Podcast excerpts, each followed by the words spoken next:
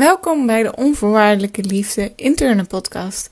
Ik neem je mee op mijn zoektocht naar wat onvoorwaardelijke liefde interne nou betekent en hoe we dit kunnen inzetten om van een angstcultuur naar een liefdescultuur te gaan, waarin plezier, respect, reflectie, ontwikkeling en prestatie centraal staat.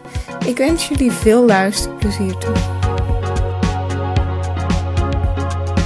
Loes, welkom in de Onvoorwaardelijke Liefde interne podcast. Fijn dat jij hier bent en dat je vandaag naar Eindhoven wilde komen voor deze podcast. Ik, uh, we zijn met elkaar in contact gekomen via Sandra Timmerman. En die zei dat jij een hele mooie reis hebt gemaakt uh, in, in jouw liefde naar turnen de laatste tijd. Of dat je daar nog steeds een transitie in aan het maken bent.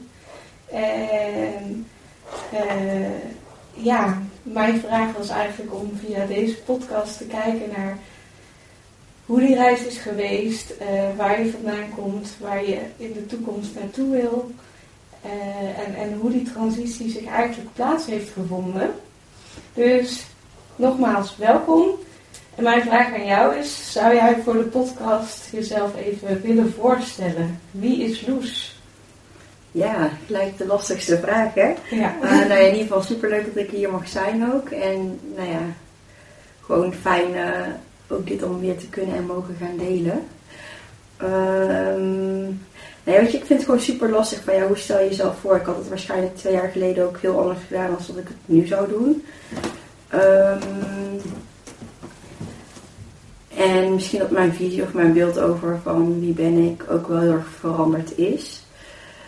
Uh, maar als ik me twee jaar geleden had moeten voorstellen, dan kijk ik toch wel snel over op de feiten van, nou ja, ik ben uh, Loes, ik ben 33 jaar, uh, ik heb inmiddels vier kinderen, ik heb altijd geturnd, en dit en dit zijn mijn prestaties en ik heb deze opleidingen gedaan. Ja, eigenlijk allemaal gewoon helemaal van die ja, gegevens die er zijn. Maar ja, dat is wel, zijn allemaal gebaseerd op dingen die ik eigenlijk gedaan heb. Maar ja.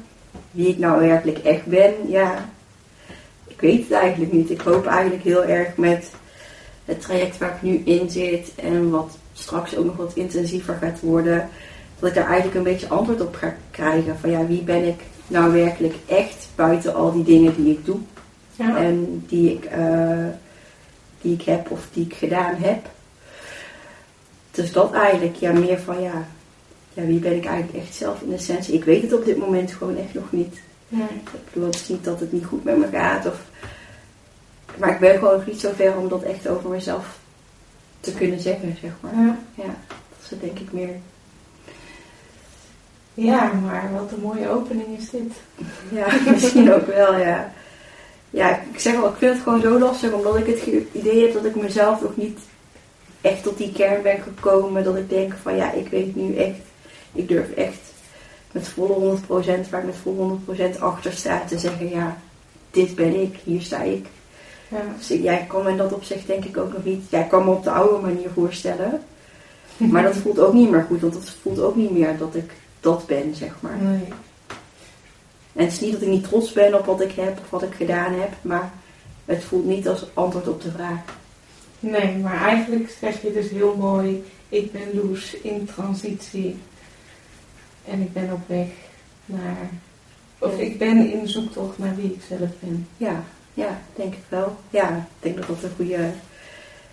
Ik hoop inderdaad echt dat als ik straks, uh, als we me over een jaar zou spreken, dat ik zoiets heb van je kan die vraag beantwoorden. Ja. Dus dat zou ik wel heel erg, zelf, voor mezelf ook wel heel erg prettig vinden. Ja, Ja. mooi. Ja. Ja. Ik vind het heel, heel, heel mooi hoe je dit durft te verwoorden. Want ik denk ook niet dat er veel mensen zijn die zich zo kwetsbaar eigenlijk in gelijk al de eerste zin eh, durven open te stellen.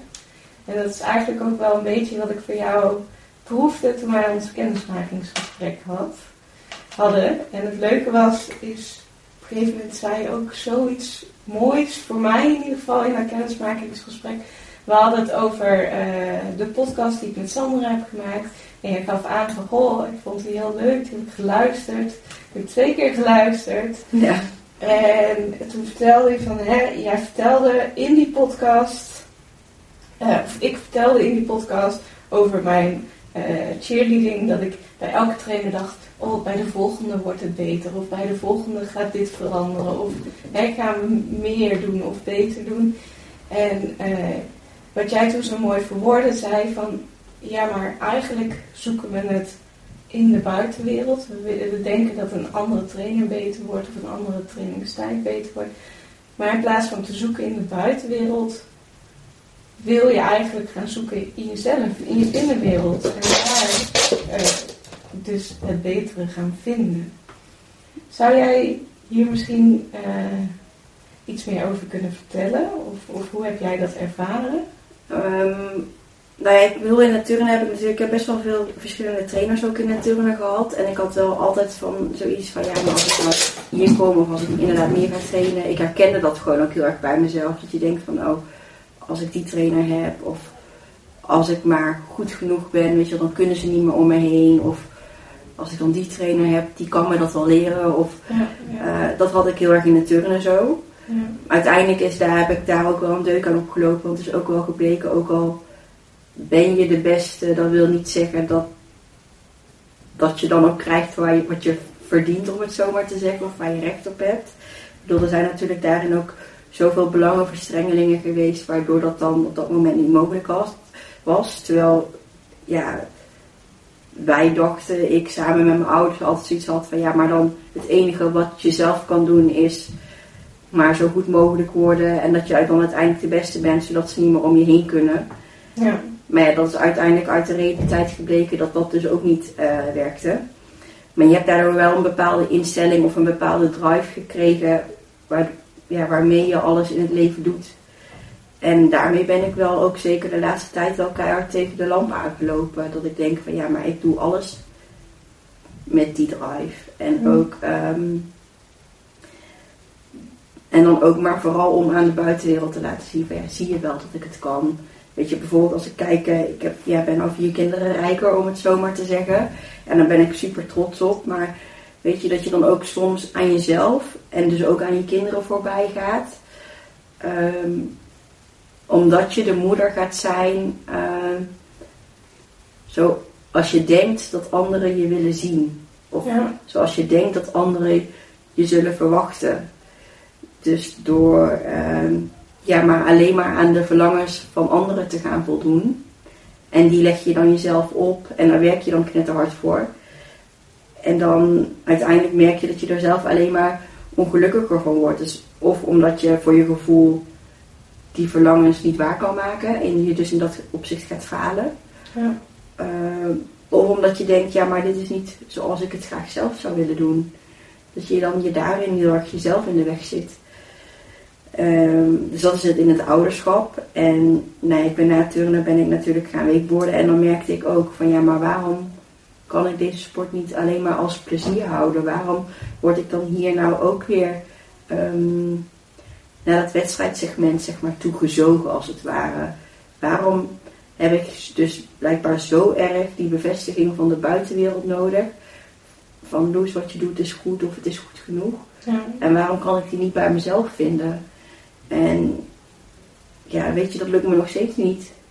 Maar ja, ik merk wel dat ik daar steeds dichterbij begin te komen om dat wel um, uiteindelijk te gaan kunnen. Want ik denk dat je dat uiteindelijk als persoon gewoon ook uh, gelukkiger en een um, beter persoon gaat maken. En dat je daardoor um, ook weer als het ware uh, kunt komen voor de onvoorwaardelijke liefde naar jezelf toe. Maar ook die onvoorwaardelijke liefde dus in je turnsport of waar jouw hart je begeeft, zeg maar, terug kan gaan vinden. Ja. En dat lijkt me wel gewoon een hele mooie ervaring. En dat is ook wel echt uh, hetgene wat mij drijft om nou zo diep weer in jezelf, uh, of ja, zo hard weer aan jezelf te gaan werken. Met ook alle, ja, om eigenlijk alle lastige dingen gewoon um, ja, onder ogen te gaan komen. En daarin uh, zelf de keuze te hebben, ja, ga ik hier aan werken, ja of nee. Ja, want wat je dus eigenlijk zegt, hè, toen, toen ik het in mijn buitenwereld zocht, ben ik ook heel erg op zoek naar die bevestiging. En ben je heel erg eigenlijk hier je loes neer aan het zetten van hé, hey, kan ik een loes creëren die jij als trainer wil, uh, wil zien. In plaats van dat je bezig bent met je eigen te zijn en te zeggen, ja maar Ja. Hoe, hoe kan ik nou die beste turnster, die beste weekboarder, die beste, beste moeder zijn, zonder dat iemand anders eh, dat beeld eigenlijk van, van, van jezelf ernaast neerzet. Ja, en ik denk dat dat ook weer heel erg toe, terug te betrekken is op vraag 1. De eerste vraag die je me eigenlijk stelde, weet je. Ik heb gewoon zo in mijn jeugd een identiteit opgelegd gekregen. Dus je deed altijd maar aan, je voldeed altijd maar aan eisen van, van anderen. Omdat je dacht van ja, dan ben ik een goed persoon. Ja. En dat doe je dan in de turnen. Maar omdat je niet beter weet in zo'n cruciale periode in je leven je eigenlijk ontnomen is. Weet je, je puberteit, waar ik denk dat je juist uh, jezelf op gaat, gaat, op zoek gaat naar jezelf. Waar je juist uh, de kans ook moet krijgen om jezelf te ontdekken, om daar een fouten te gaan, om daarin juist ook op je, op je bek te gaan, om het zo maar te zeggen. Om dan zo erachter te komen van ja, maar wie ben ik in essentie? Wie, wie wil ik zijn en wat past bij mij, wat hoort bij mij? Maar ik heb dus altijd alleen maar opgelegd gekregen wie ik ben. En uiteindelijk ben je dat, ga, je dat, ga je daar dan zo in op dat je dat later ook gewoon in alles doet. Dat je denkt van ja, maar uh, mensen willen dit en dit en dit van mij zien. Dus dat is mijn identiteit. Maar dat is het eigenlijk helemaal niet gewoon. Nee. Nee, dit roept heel erg in mijn hoofd op uh, de term afhankelijkheidstraining. Die uh, hebben ze ook heel erg neergelegd in het onderzoek bij turnen. Dat trainers. Het doet iets met je. Ja, ik vind het lastig. Ja, ik denk. Dat is denk ik ook het meest schijnende aan wat ons is overkomen. Ik denk gewoon, het is. Weet je, ik was niet vies van hard werken of hard trainen. Dat vond ik helemaal geweldig om het uiterste uit mezelf te halen. Maar um, ze nog gewoon nooit zo ons als steurtjes of ons als kinderen gewoon zo af mogen breken. En ook onze identiteit zeg maar mogen ontnemen. Ja, dat vind ja. Daar heb ik, ik denk dat daar de, dus ja, het spreekt natuurlijk ook wel een beetje voor anderen, maar als ik het een beetje bij mezelf hou, Mm-hmm. um, dat daar in ieder geval voor mij wel ook de meeste schade is uh, opgelegd of, aan, of ja, door ontstaan is. Ja. Ja. Waar je gewoon in het dagelijks leven naar de hand gewoon zoveel last van hebt. Ja. Ja. ik zie het aan. Ja. um, dan stappen we gewoon even op over iets anders. We hebben het er net over een stukje spelen gehad Mm-hmm. uh, binnen de sport. Uh, en, en jij gaf daar een heel mooi uh, voorbeeld van een voetballer. Hoe heette die nou? Ja, Memphis. Memphis, Ja. die was het. Waarin je dus zei van, hé hey, Memphis was echt gewoon iemand die dat spelen in zich had. Die daar heel goed mee bezig was. Mm-hmm. En toen ging hij naar een andere vereniging. Toen had hij dus een andere trainer. En toen verloor hij dat spelen gaandeweg. Um, hoe, hoe is dat bij jou geweest? Zijn er bij jou momenten geweest waarin je dat spelen heel erg in je had? Nee, ik denk dat het uiteindelijk al super snel ontnomen is. Um, ik, ik had het wel, weet je, ik deed als klein meisje deed ik niets liever ook al thuis als rondspringen, rondruppelen, draaien, op mijn kop staan. Uh, ik weet op een gegeven moment, ik had een, uh, een vriendje van de basisschool waar ik, wel, waar ik wel regelmatig mee afsprak om te spelen. Nou ja, en die moeder zei altijd van het heeft twee staartjes en het staat op de kop. Ja, dat was, dat was ik toch.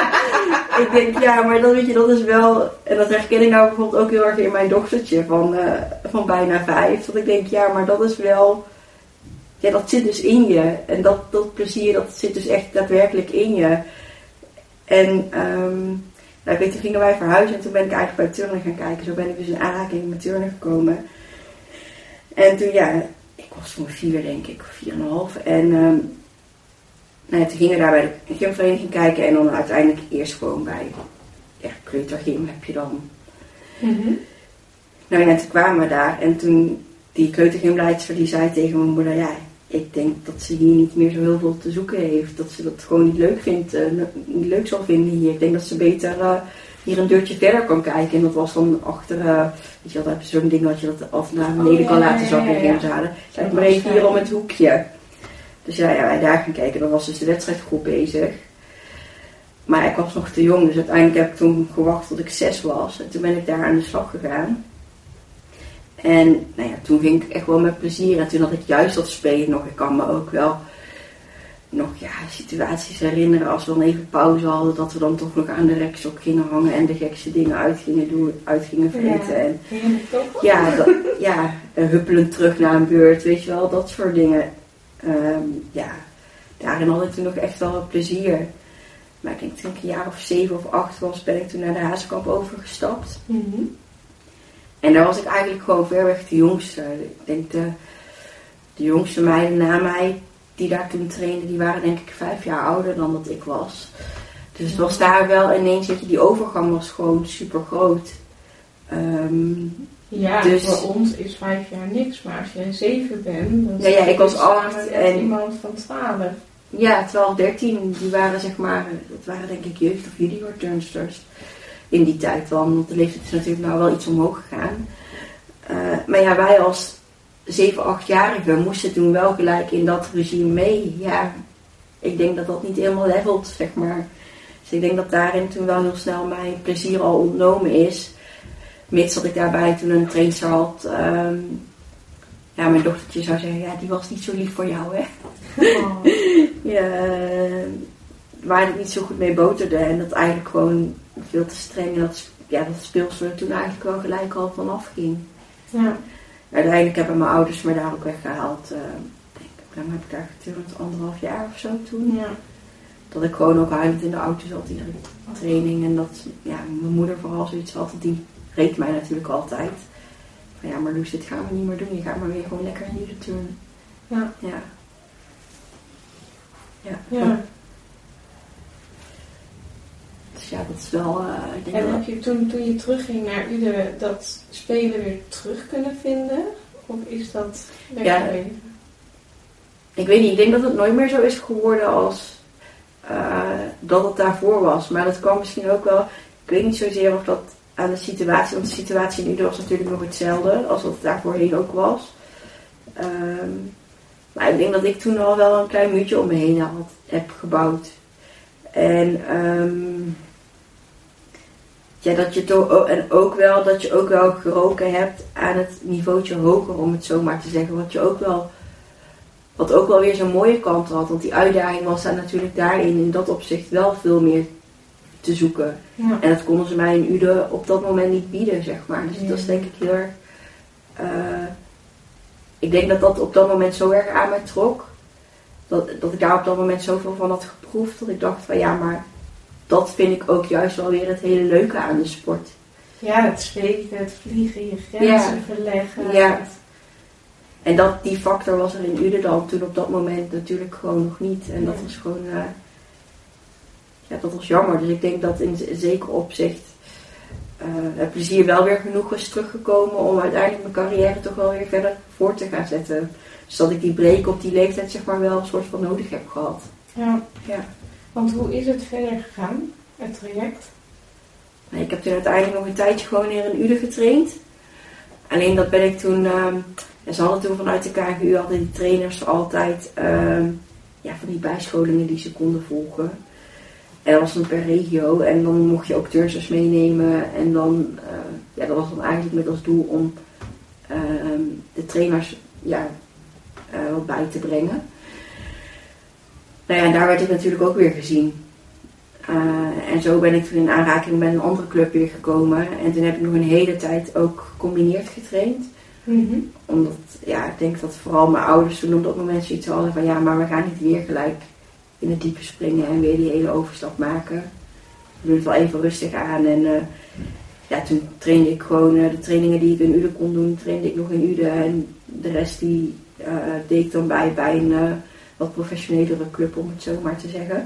En ja. zo ben ik uiteindelijk weer het hele wereldje ingerold. Totdat, ik, totdat we weer het gevoel hadden, maar ja, dit past niet of ik wil nu toch meer. En dan ging je toch altijd wel weer op zoek naar iets anders waarvan je dacht van, oh, dit past beter bij mij. Of zo kan ik wel mijn droom gaan realiseren en waarmaken. Ja. ja. En de ene keer had je geluk met trainers en de andere keer had je pech. Ja, je wist het gewoon niet. En in dat opzicht had je natuurlijk ook niet zo heel veel keus. Nee. Nee, helaas, uh, helaas niet. Nee. Nee. Maar zijn er in die periode van jouw topsportcarrière ook secure bases geweest voor jou? Waarin jij zei van nou hier... Ik denk dat je die vooral dacht te hebben. Ja. Weet je, een trainer kon dan wel je het gevoel geven van, eh, ja, vertel het nou maar. En dan had je het zelfs het eigenlijk uiteindelijk uit je getrokken en had je het verteld. En dat was dan al een hele overwinning en een stap voor je geweest. Ja.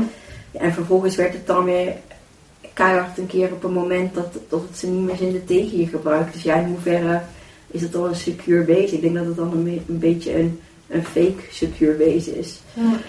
En Kan je ja, een voorbeeld noemen van een Ehm, onderwerp? Ja, nee, dat, dat vind ik lastig. Ik denk dat het er heel erg in verweven zat. Dat het niet eh, ehm, per se één situatie is of zo. Ik denk dat het vooral het stukje was. Ik denk dat ik het beste kan omschrijven. Dat ze vooral. Ik zeg niet dat alle trainers zo zijn, maar wel. Ja, de meeste om het zo maar te zeggen. Maar dat ze wel eerst juist heel erg proberen je te verwelkomen en je vertrouwen te winnen. Dus echt wel een, een band met je op proberen te bouwen.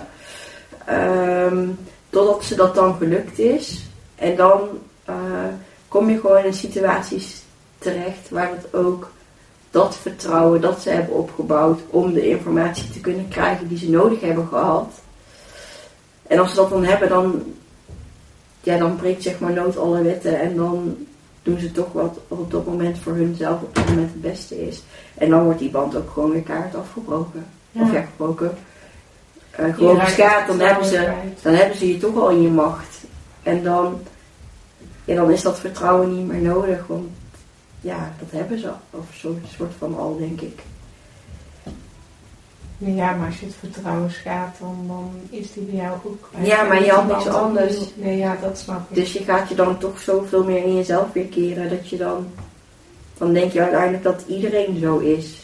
Dus je houdt maar alles voor jezelf. Ja.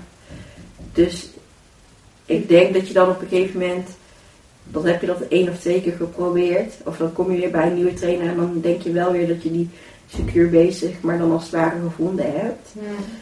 Ehm, maar ja, heb je daar dan twee keer je neus aan gestoten dat het niet zo is, dan ga je daar ook veel minder eh, moeilijk voor openstellen. Ja. Dus ja, ik denk uiteindelijk dat je dan, ja, dat het heel lang weer duurt voordat je dat weer een klein beetje, dat muurtje weer een klein beetje af, eh, afbreekt en wel zo'n ehm, secure base kan verwelkomen Mm. voor jezelf. Dat moet je toch ervaren, dat dat ook wel anders kan. Doe me een beetje denken aan. eh, op een gegeven moment heb ik de serie of de film Athlete A gekeken, die documentaire over eh, Mhm. Larry Nassau. En daarin zei op een gegeven moment een van die turnsters die zei. eh,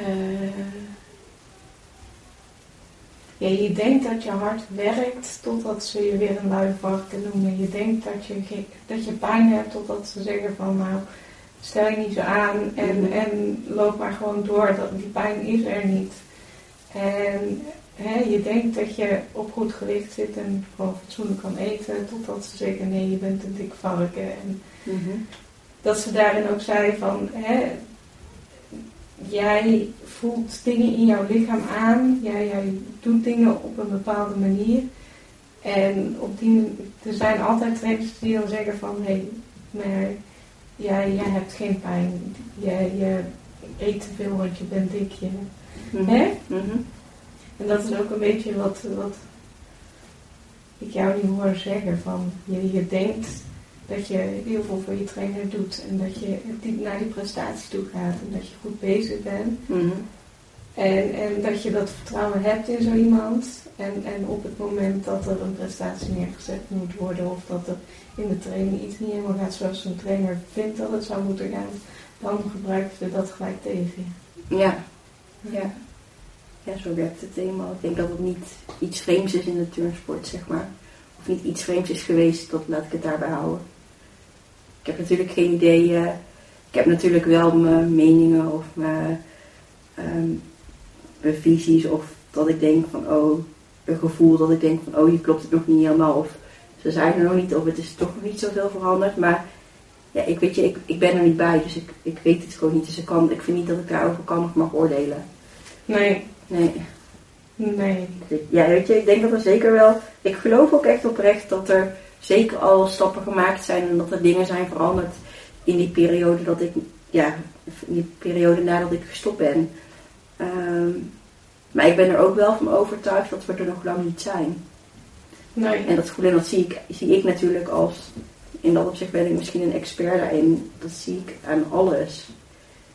Weet je, dan kunnen mensen nog A zeggen en dan kan ik nog B denken. Dat, pik je dan toch, denk ik, op omdat je daar zelf zo diep in dat wereld- wereldje hebt gezeten.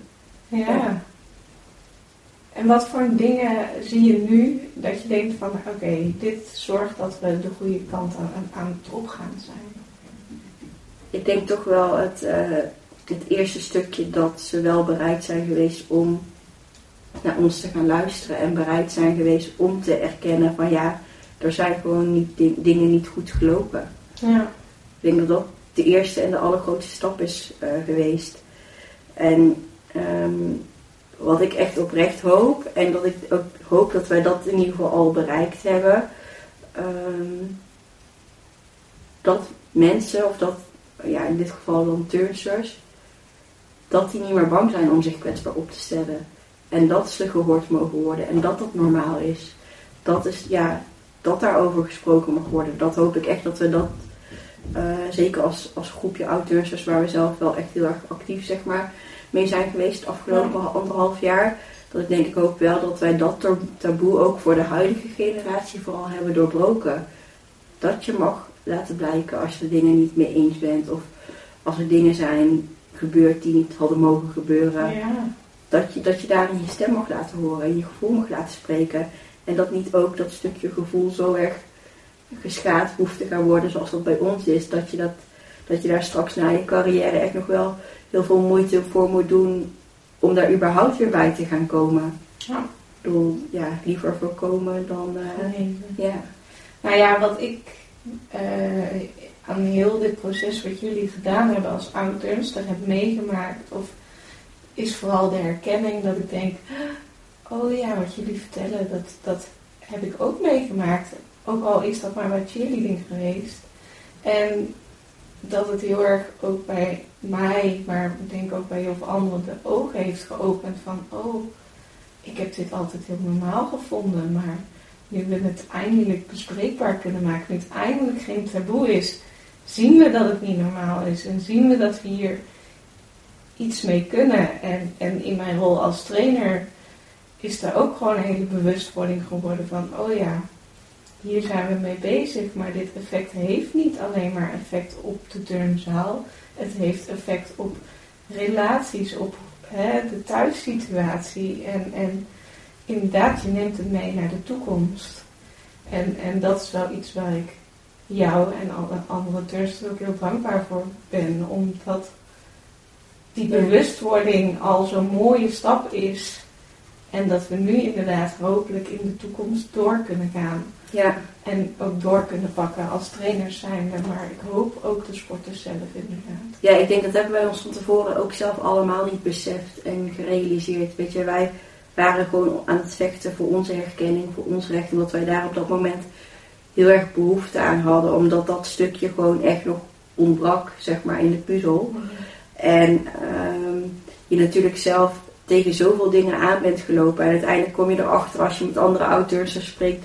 Dat iedereen tegen diezelfde problemen aan heeft, is gelopen. En dat je ook allemaal tegen elkaar zegt, maar waarom hebben wij het hier überhaupt nooit over gehad met elkaar? En alleen al het kunnen delen weer met elkaar, die Ja. verhalen en allemaal. Dat heeft al zoveel eh, weer opgebracht in je eigen verwerkingsproces. En dat je dan ook een beetje te raden kan gaan bij de ander. Van ja, ik heb dit geprobeerd, ik heb dat geprobeerd. Hoe, hoe heb jij dat gedaan? En weet je, dat is gewoon zo fijn in die, in die zoektocht. Ook gewoon naar je eigen herstel, gewoon als mens, Ja. zeg maar.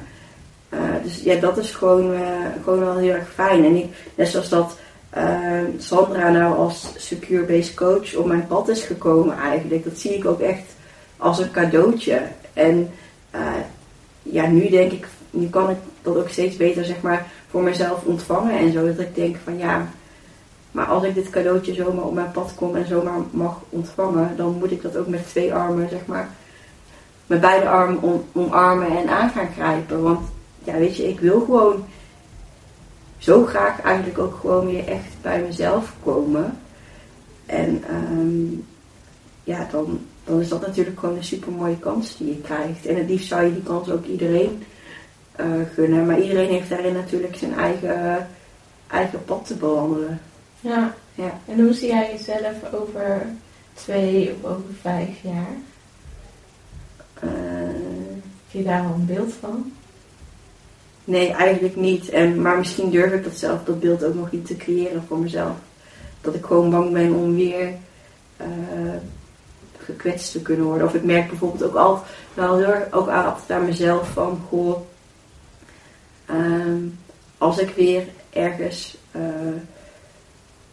ehm, het werkt vaak heel erg tegen me om me ergens aan vast te binden. Net zoals dan, ehm, ik ben ook in het ziekenhuis onder begeleiding voor eh, postnatale depressie. Mijn, mijn, zoon, mijn zoontje is nu natuurlijk 12 weken bijna. En ik heb bij mijn tweede zwangerschap of na de geboorte van mijn tweede heb ik gewoon ehm, ja, tegen een postnatale depressie aangezeten. Ehm, en uiteindelijk denk ik dat het gewoon dat, dat voor mij het moment was dat ik niet meer ehm, aan die identiteit die ik mezelf oplegde of die ik opgelegd kreeg van de buitenwereld, dat ik daar niet meer aan kon voldoen. Ik kon al die ballen zeg maar niet meer hoog houden.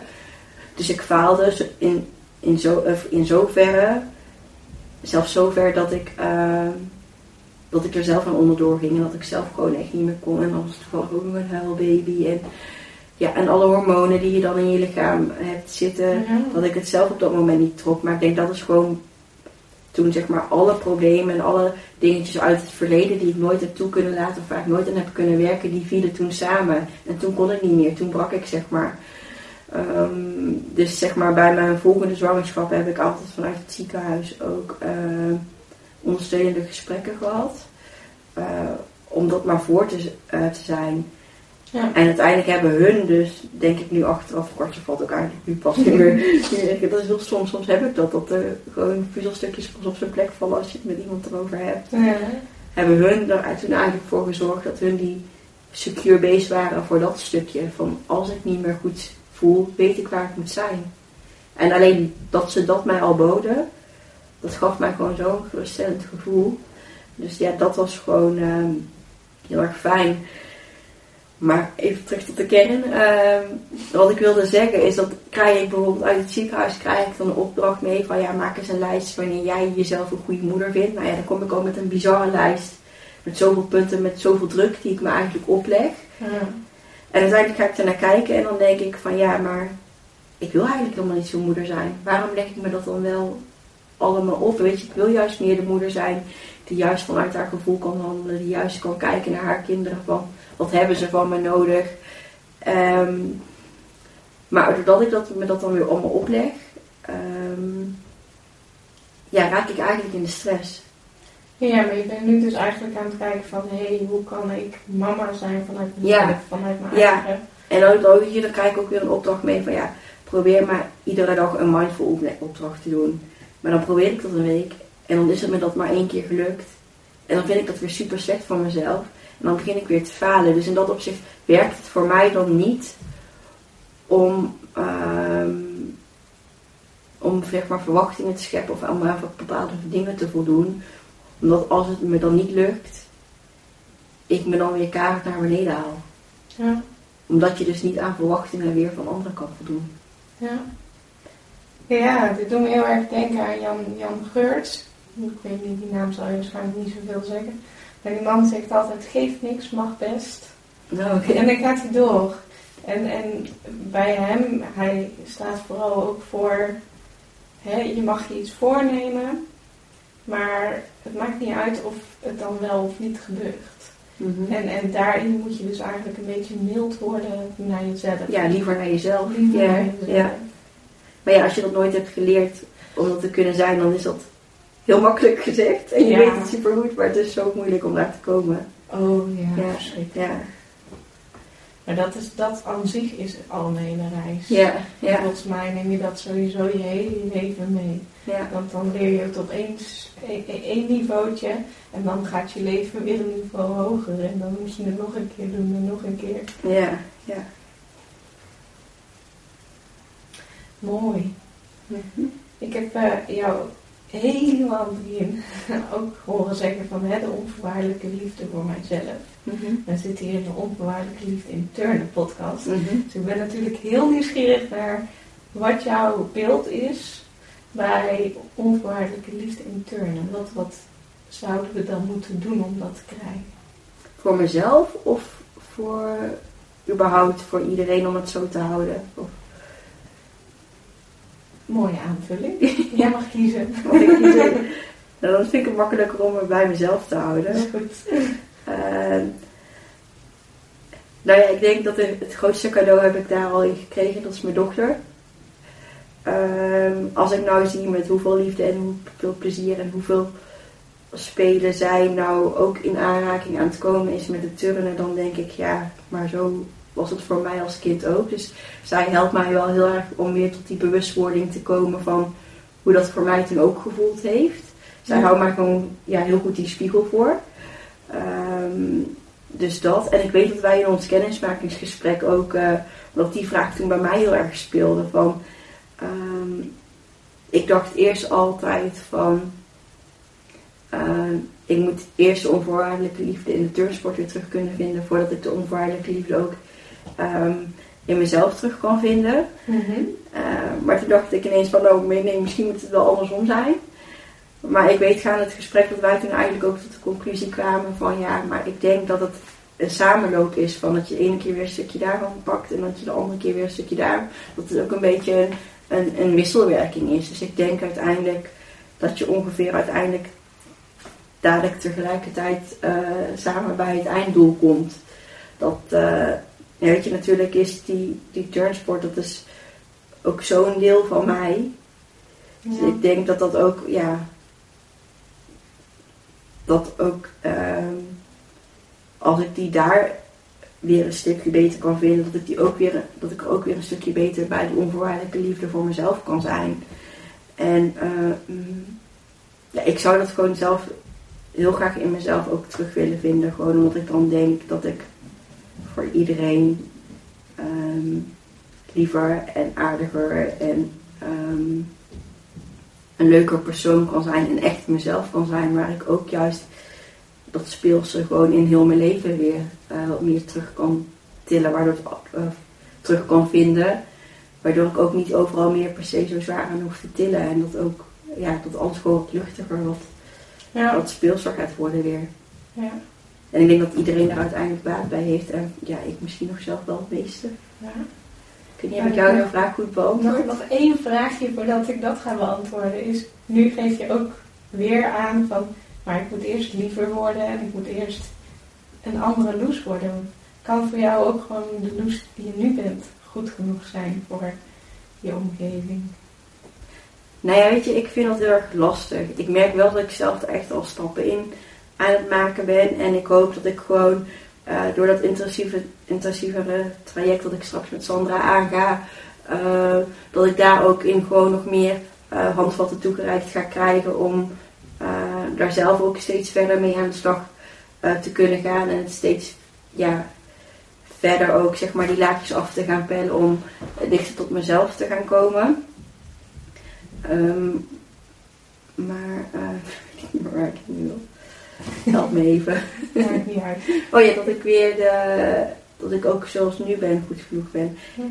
Ja, en dat ik, weet je, ik denk ook niet dat per definitie alles eh, fout is. Maar ik hoop inderdaad echt dat ik met die handvatten die ik dan toegereikt ga krijgen, de, de eigenschappen, zeg maar, die ik juist heb.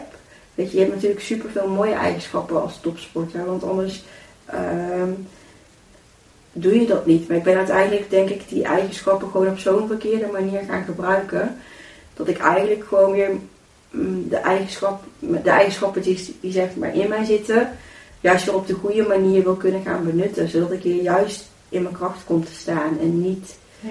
ehm, ja, niet die verkeerde kant. Dus ik geef een voorbeeld. eh, kan geven. Ik heb natuurlijk best wel veel doorzettingsvermogen. Maar dat doorzettingsvermogen kan je ook soms heel erg in de weg staan. Doordat je maar dingen jezelf oplegt en je dan daaraan moet blijven voldoen. Ja. Dat je een opleiding afmaken die je niet leuk vindt. Weet je, je doet het allemaal puur op doorzettingsvermogen. Ehm, maar hoe fijn is het dan als je dat doorzettingsvermogen, weet je wel, op de goede manier juist kan gebruiken en gaan toepassen. Je echt als kracht in kan Ja. zetten. Ja, dat je denkt van, oh, ik kan loslaten, het is oké als ik iets niet leuk vind. En als ik dan zeg van, oh, we stoppen ermee, het is goed zo. Dat je dat mag accepteren van jezelf. Maar als je echt een doel hebt wat je super graag wil, wat je van binnen voelt van, ja, maar dit wil ik graag. Maar de pad daar bewandelen, dat is niet helemaal mijn ding. Maar dat je dan juist dan op dat moment wel weer het doorzettingsvermogen in kan zetten om uiteindelijk bij het grotere doel te komen. Dat is natuurlijk wel, dan sta je denk ik weer in je kracht. Ja. En kun je zo'n eigenschap weer goed benutten. ja. Ja. Maar het is sowieso heel mooi om die, die eigenschappen die je nu inderdaad een negatieve betekenisverlening hebt gegeven, om te kijken van oké, maar dat is nog steeds een stukje van mezelf. Hoe kan ik ervoor zorgen dat ik die inderdaad weer om kan zetten naar een kracht Mhm. en naar iets positiefs. En zodat het voor mij gaat werken en dat het weer gaat stromen. Ja. ja, dat lijkt me wel een bijzondere ervaring, laat ik het daarop houden. Ja, Ja, het klinkt mooi. ja. ja klinkt heel mooi. ja. Ik- hoop dat de weg daar naartoe ook zo mooi mag gaan zijn. Dus ja. Ik denk dat jullie dat met z'n tweeën wel gaat lukken. Ja, dat ook wel. Ja. Nee, ja, het voelt in ieder geval goed en dat is al heel iets, denk ik. Ja. ja. Ja, ik zie dat wij al eh, tegen het einde naderen. Ehm, zijn er nog vragen of onderwerpen waarvan je denkt van nou, daar hebben we nog niet besproken, daar zou ik heel graag nog willen toelichten of willen vertellen? Mm. Ja, weet ik eigenlijk niet.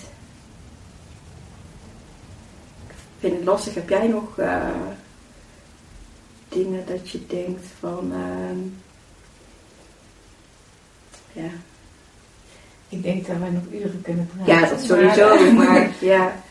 Eh, nee, ik denk dat we heel veel onderwerpen hebben aangeraakt. Ik Mhm. vind het leuk om, het, eh, om, om wat ervaringen gedeeld te hebben. Dat vond ik al Ja. super waardevol voor mij in ieder geval.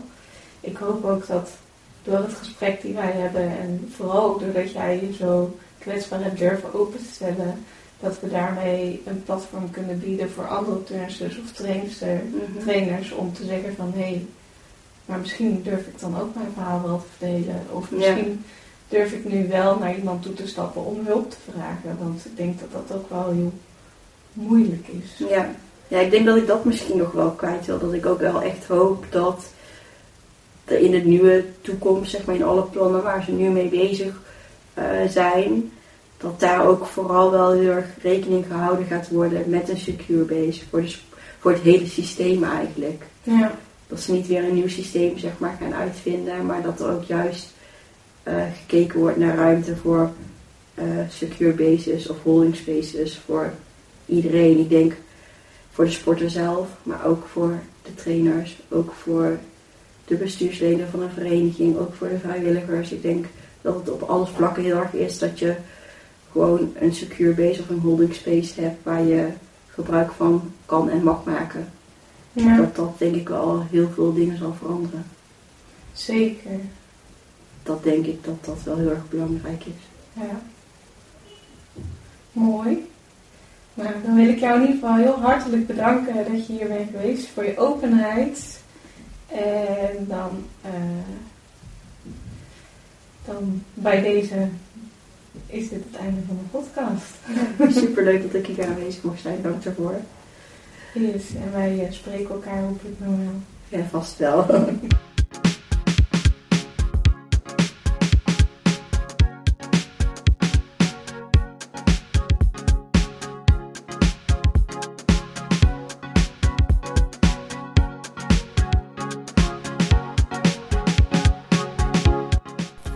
Dit was hem dan alweer, de onvoorwaardelijke liefde interne podcast.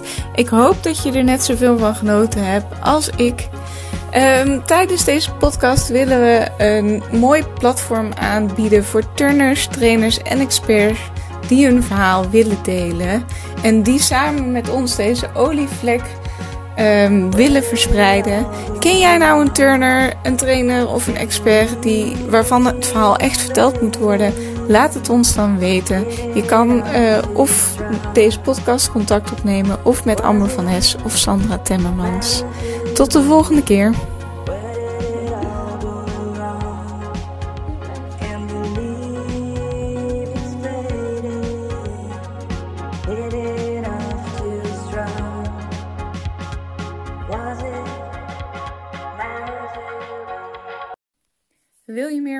Te gekke muziek? Ga dan vooral even naar Spotify en kijk naar Mr. Veens. Veel plezier!